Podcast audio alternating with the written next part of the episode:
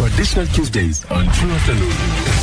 Alright samkela ke ixhego lethu bawutyatyeka apha ke kwi True Afternoon esiphatheke Traditional Tuesdays. Masikwamkele inkosi yami. ndiyabulela ndiyabulela Luke Ninjani namhlanje ngwebe kuthi? khona mani njani Kuhle bawutyatyeka. Masiyavuya nje babunye nawe namhlanje ngexesha bakwi True Afternoon. ewe Luke Sithetha namhlanje ngokukhethwa kwenkosi. Ngo- ngo- Ngokomthetho kanye ngendlela kwenziwa ngayo apha kwaNtu, bekufanele uba inkosi iphuma kweyiphindlu apha ekhayeni. eh, indlu ezala inkosi okokuqala iyakhethwa eh apha eh, ebukhosini ngabantu aba ba jongene nalomcimbi into yokuqala ke eyenzekayo kukuba akazi ukuthi umfazi kube qale wafika ibe nguye oyawuzala inkosi. Okanye kuba e- enguye omdala ibe nguye oyawuzala inkosi. Into eyenzekayo ke looks kukuba kukhethwa umfazi ekuthiwa ngumfazi omkhulu. Kodwa lo mfazi omkhulu njengoba senditshilo ke akanyanzelekanga ibe ngumntu oqale wafika emzini. Ujongwa njani ke uza kutsho mhlawumbi umfazi omkhulu. Okokuqala umfazi omkhulu funeka ube ngumfazi ophuma ebukhosini. Into enjengoba ubukumkani bakwabani uyowuzeka intombi mhlambi ubukumkani bakwabani. So um- umfazi wenkosi uphuma ebukhosini njengozeka uve kuthe xa kuthethwa kuthiwa hayi akanawuzala inkosi ubani kaloku kuba ngu- ngumfazi womntu omnyama. Ngamanye amazwi ngumntana womntu ongenagazi lobukhosi. Akazala inkosi ke loo mntu. Okwesibini umfazi ozawuzala inkosi ngumfazi wesizwe.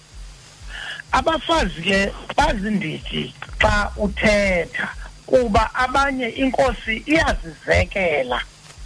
Kuthiwe khawuzeke kuba into yokuqala esifuna ukuyijonga apha kuwe into yoba uyakwazi na ukuzala azeke ke lo mfazi ezizekela Hmm. bathi bambona ke ngoku into yoba hayi uthe kanti uyakwazi ukuzala. Mhlawumbi bazawumnika ithuba kumfazi omnye okanye bade babe babini abafazi.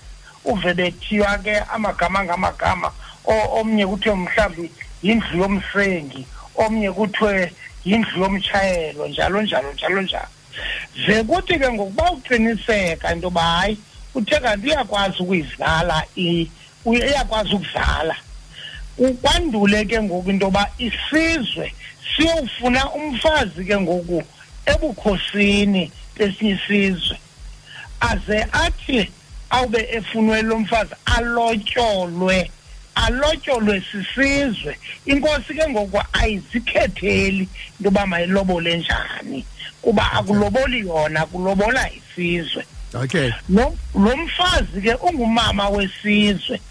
Nguye ke ngoku ozawuzala inkosi nokuba ngabe inkosi ke kungakho ukungefani okanye ukuthini ukuthini ayinalo ilungelo lokumlahla ke ngoku lo mfazi okanye ukumgxotha kuba okokuqala ayingowayo ngumfazi wesizwe Okay, kuloo ndawo kanye leba utyetye xa kutheni xa ubona kufuneka kwenziwe amanye amacebo i- ingaphumi kule ndlu inkosi. kuyenzeka lux into yokuba kwaba bantwana bazelweyo mhlambi kule ndlu inkulu masithi mhlambi unyana bemnye ozelweyo kule ndlu inkulu. Aze athi enjalo mhlawumbi abe nako ukuphazamiseka okuthile engqondweni. Ngamanye amazwi akugxilwa kuphela kwinto yokuba uzalwa kwindlu enkulu. Kufuneka kujongwe into yoba uyawuba naso na isakhono sokuphatha sokulawula. So umntu ke ngokuphazamiseke ngokwasengqondweni akanawukwazi ukuphatha akanawukwazi ukulawula. Nomntu mhlawumbi okuthe xa kuqatshelwa kwafunyaniswa aba lo mntu lo uyathwasa lo ligqirha. So igqirha inkosi ayinaba ligqirha ipheshwe ke into enjalo. Zimbini ke into eziza kwenzeka? Mm. okokuqala umfazi lo wale ndlu inkulu.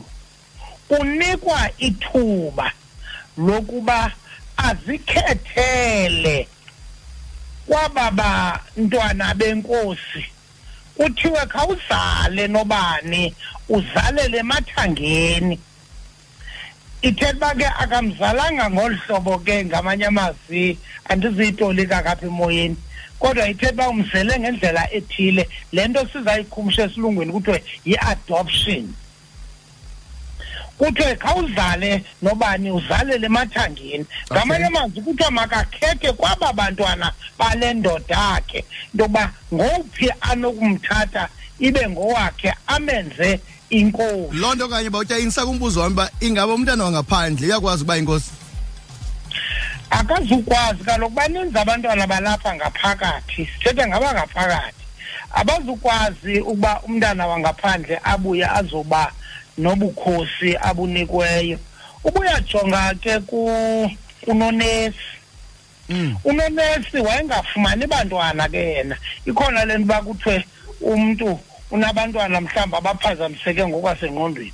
Kodwa kwanyanzeleka into yoba azalele emathangeni unonesi ngokuba athathe omnye waba bantwana bale ndoda ke.